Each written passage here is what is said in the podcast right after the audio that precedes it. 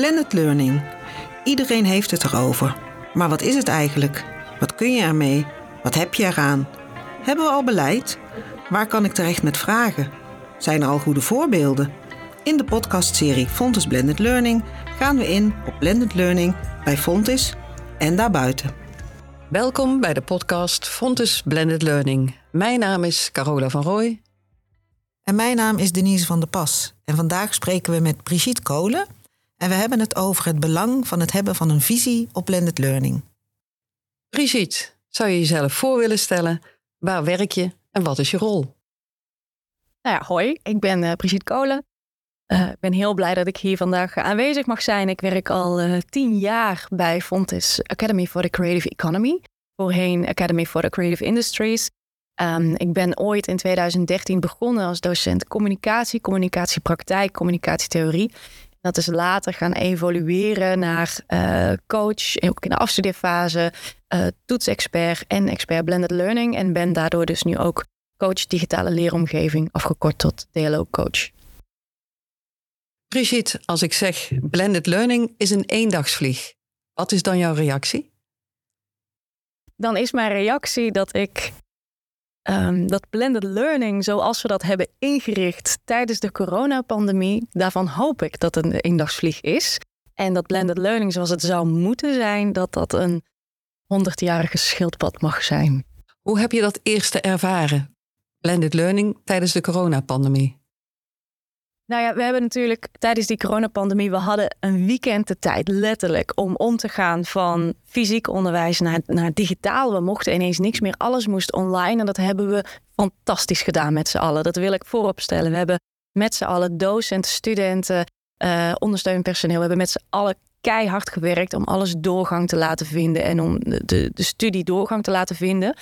Um, tegelijkertijd hebben we, doordat alles zo'n haastwerk was, hebben we alles wat we voorheen offline deden, hebben we gewoon online geparkeerd. Um, en we noemden het blended learning, maar dat is het helemaal niet. Wat we offline deden, hebben we online gedaan. We hebben niet gekeken naar wat past in een online leeromgeving, hoe maak je een rijke leeromgeving, wat werkt wel online en wat niet. En uh, we noemden het blended learning, maar eigenlijk hebben we met z'n allen wat dan heet een horseless carriage gecreëerd. En een horseless carriage, dat is een metafoor die stamt uit de tijd van de eerste auto's. Mm -hmm. En um, de eerste auto had namelijk de vorm van een koets zonder paard. En soms is dat goed. Soms moeten innovaties een bekende vorm hebben om uiteindelijk door te kunnen ontwikkelen. Maar uiteindelijk merk je dat die vorm beperkend is om daadwerkelijk tot zijn recht te kunnen komen, tot volwassendom te kunnen komen.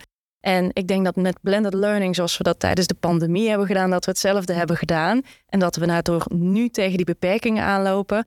En ik hoop eigenlijk daarom dat blended learning zoals het is geworden tijdens die pandemie, dat dat snel verdwijnt. En dat we heel snel naar de echte vorm van blended learning gaan ontwikkelen. Wat is naar jouw idee dan de echte vorm van blended learning?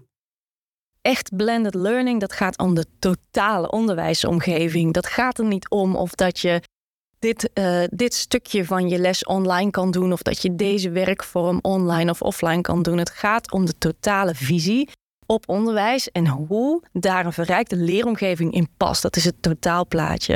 En dat heeft ook te maken met hoe je je didactiek inricht. Heeft ook te maken met hoe je je toetsing inricht.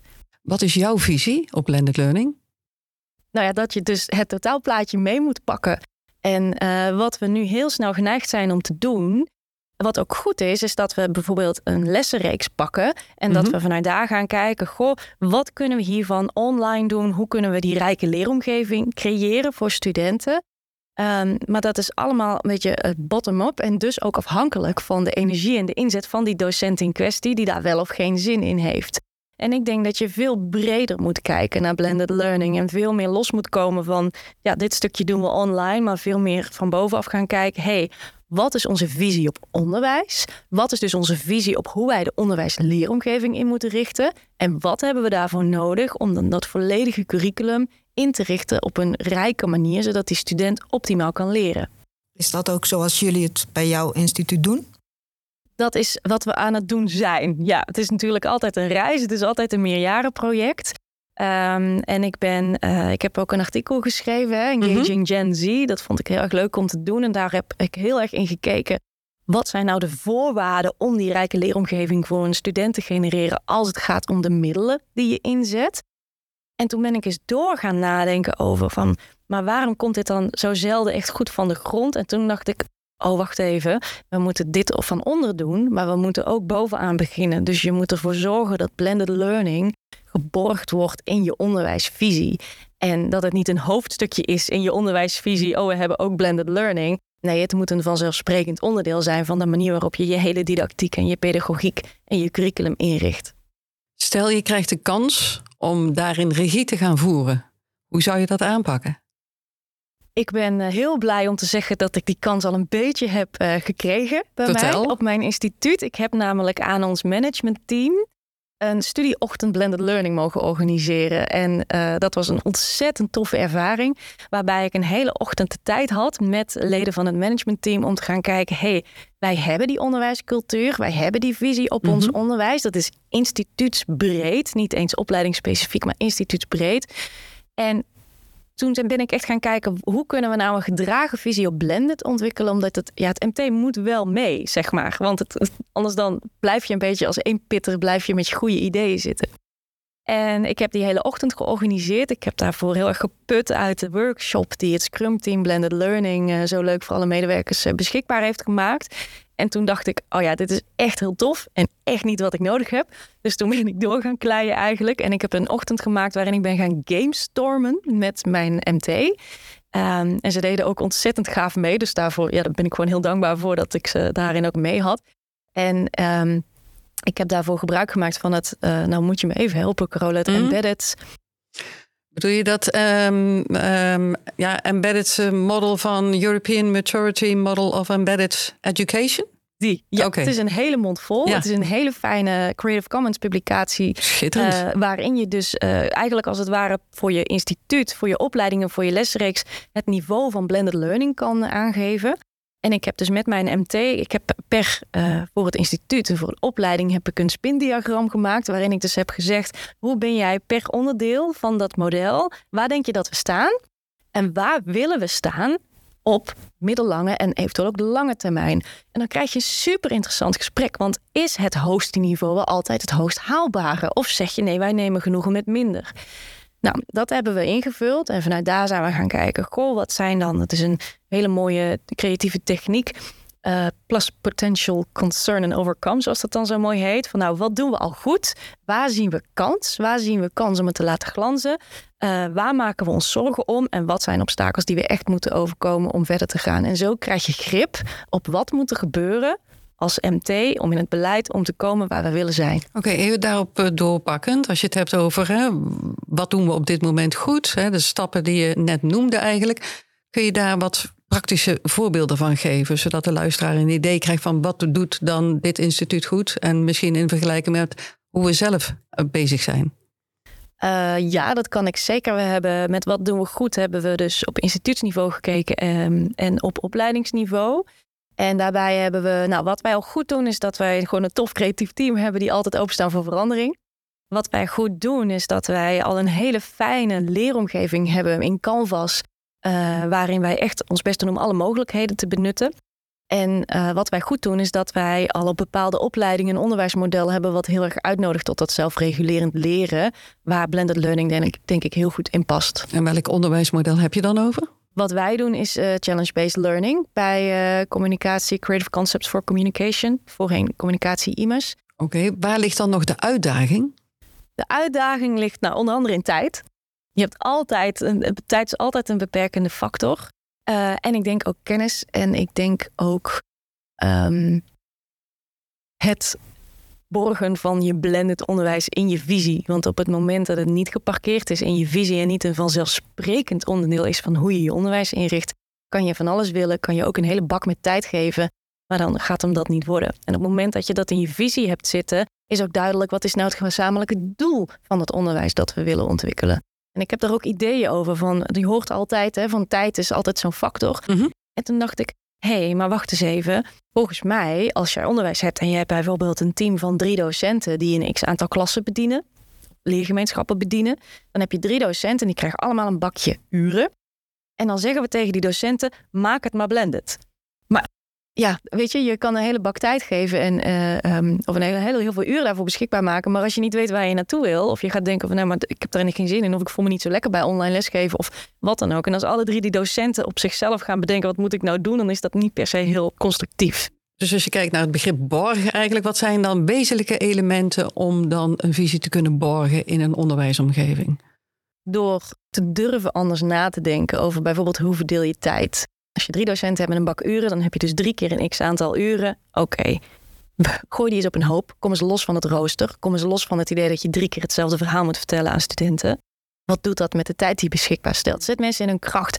Die persoon is blij voor de klas. Die persoon vindt het leuk om een podcast te maken. Oké, verdeel die taken en ga eens anders met die uren om. Ga anders met het rooster om. Het MT moet dat faciliteren, moet durven los te komen, moet durven omdenken, loskomen van het rooster. En dan kijken hoe kunnen we dit faciliteren. En omdat het een vanzelfsprekend onderdeel moet worden van je onderwijsvisie, wordt het dus een vanzelfsprekend onderdeel van hoe je onderwijs hebt ingericht. Oké, wat betekent dan die keuze voor de laag die eronder zit? En dan hebben we het over docenten in eerste instantie. Hoe borg je dan hun verandering richting blended learning? Want het is niet alleen een kwestie van faciliteren in uren. Nee, dat is ook faciliteren in de vorm van trainingen, workshops, gamestorming. Kan dat echt iedereen aanbevelen. Vertel. Ja, dat is zo leuk. Um, nou ja, wat ik dus al zei, bijvoorbeeld uh, zo'n spindiagram invullen kan er helpen. Maar een, een, ontzettend leuke opdracht om de neus een bepaalde kant op te krijgen, is door te zeggen: joh, het is uh, welk jaar leven we nu? 2023. Het is 2030. Jouw opleiding staat op de voorpagina van de, van de landelijke kranten met het succesverhaal over de integratie blended learning in jullie onderwijs. Wat staat er op de voorpagina van jullie krant? Ga die cover maar maken. Wat staat op de foto? Wat zijn de quotes? Wie is er geïnterviewd? Um, weet je, wat zijn de resultaten? En dat geeft een ontzettend leuke manier om te denken aan het toekomstperspectief. Van, oh, maar als we daar willen uitkomen, ja, dan moeten we nu wat veranderen. En dat vraagt lef, dat vraagt vertrouwen, dat vraagt uh, facilitering in de vorm van tijd, maar ook in de vorm van training, van coaching, van ondersteuning en van je bezig te houden met datgene in het onderdeel van die verrijkte leeromgeving waar jij blij van wordt. Nog een laagje naar beneden dan. De student. Hoe borg je dan een bepaalde leerattitude? Dat moet je echt ook borgen in je curriculum, in je didactiek. Zelfreguleren, zelfregulerend leren, dat is tof, gaat niet altijd vanzelf. Dus je zult ook in je ontwikkeling van je curriculum rekening moeten houden met: oké, hoe gaan wij onze studenten dan aanmoedigen om, dat, om zo'n module zelfstandig of zo'n blended module te doorlopen? Of hoe zorgen we ervoor dat ze uh, weten waar ze moeten zijn, waar ze informatie kunnen vinden, dat ze aan de slag gaan? En dat geheim daarin zit altijd in. Leg ze uit waarom ze iets moeten doen. Maak duidelijk waarom ze moeten doen. Ga met ze de dialoog aan over waarom vinden wij dat je dit moet doen? Wat is voor jou het nut? Wat haal je eruit? En dan krijg je een andere mindset waarin je studenten meekrijgt. En merk je dat nu dan ook al? Kun je al concrete voorbeelden geven van hoe dat al werkt in de praktijk?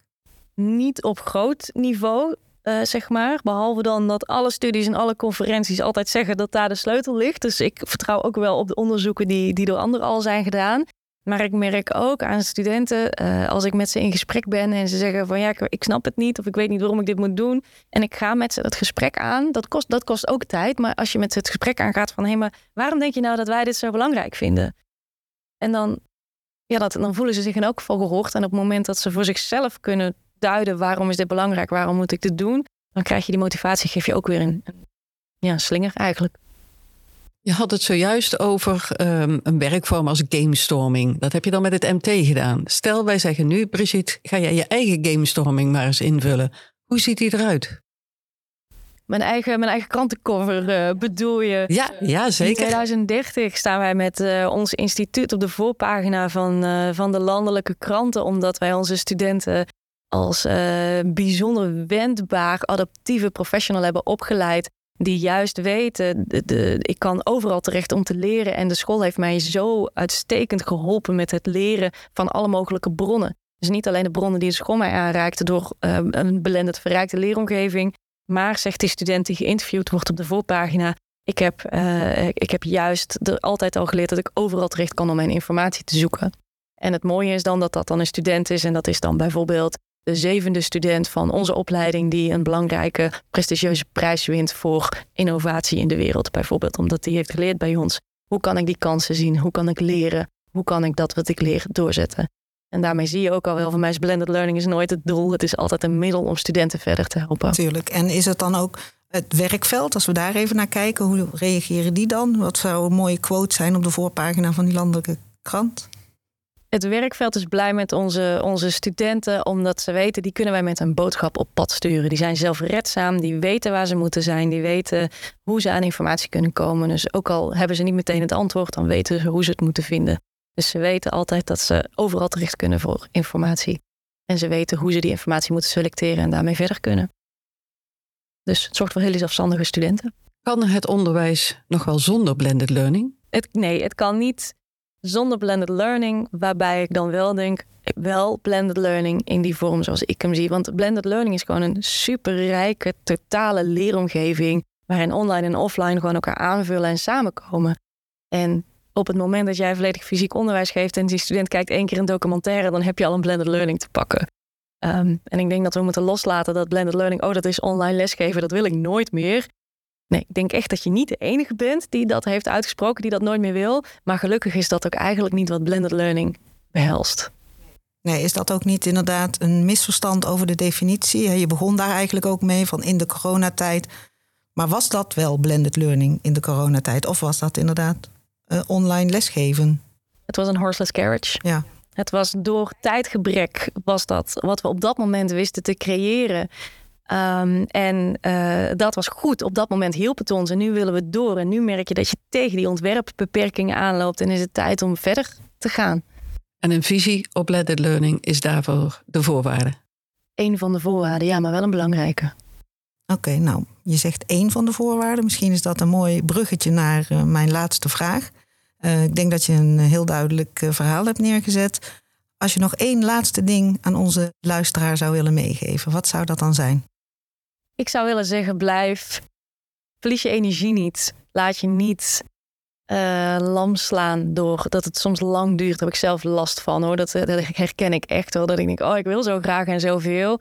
En dan loopt het even vast. En nu bijvoorbeeld ook, wij gaan, um, onze, uh, gaan bepaalde cursussen gaan wij in een blended omgeving vormgeven. En een collega van mij, Maaike Reiners, die heeft dat opgepakt. En ik ben dat nu samen met haar aan het doen. En de manier waarop zij daar weer naar kijkt. Dus daar krijg ik zoveel energie van. En dan denk ik, yes. Weet je, soms moet je een beetje geduld hebben. En dan is er altijd wel weer iemand die het oppakt. En zij gaat dus kijken hoe wij die blended omgeving volledig kunnen inrichten. Uh, in onze onderwijspraktijk. Zodat wij, um, ja, zo passend bij die visie eigenlijk. Maar dat is dan omdat we het nieuw mogen inrichten, wordt het meteen helemaal geborgd. En gaan we niet kijken, oké, dit is het lesplan. Wat kunnen we dan online doen? Dat is, dat is precies die nieuwe aanpak. En daar word ik wel heel blij van. Dankjewel, Brigitte Kolen. Wil jij als luisteraar op de hoogte blijven van de ontwikkelingen, good practices van blended learning bij Fontus en bij andere onderwijsinstellingen? Abonneer je dan op deze podcastserie.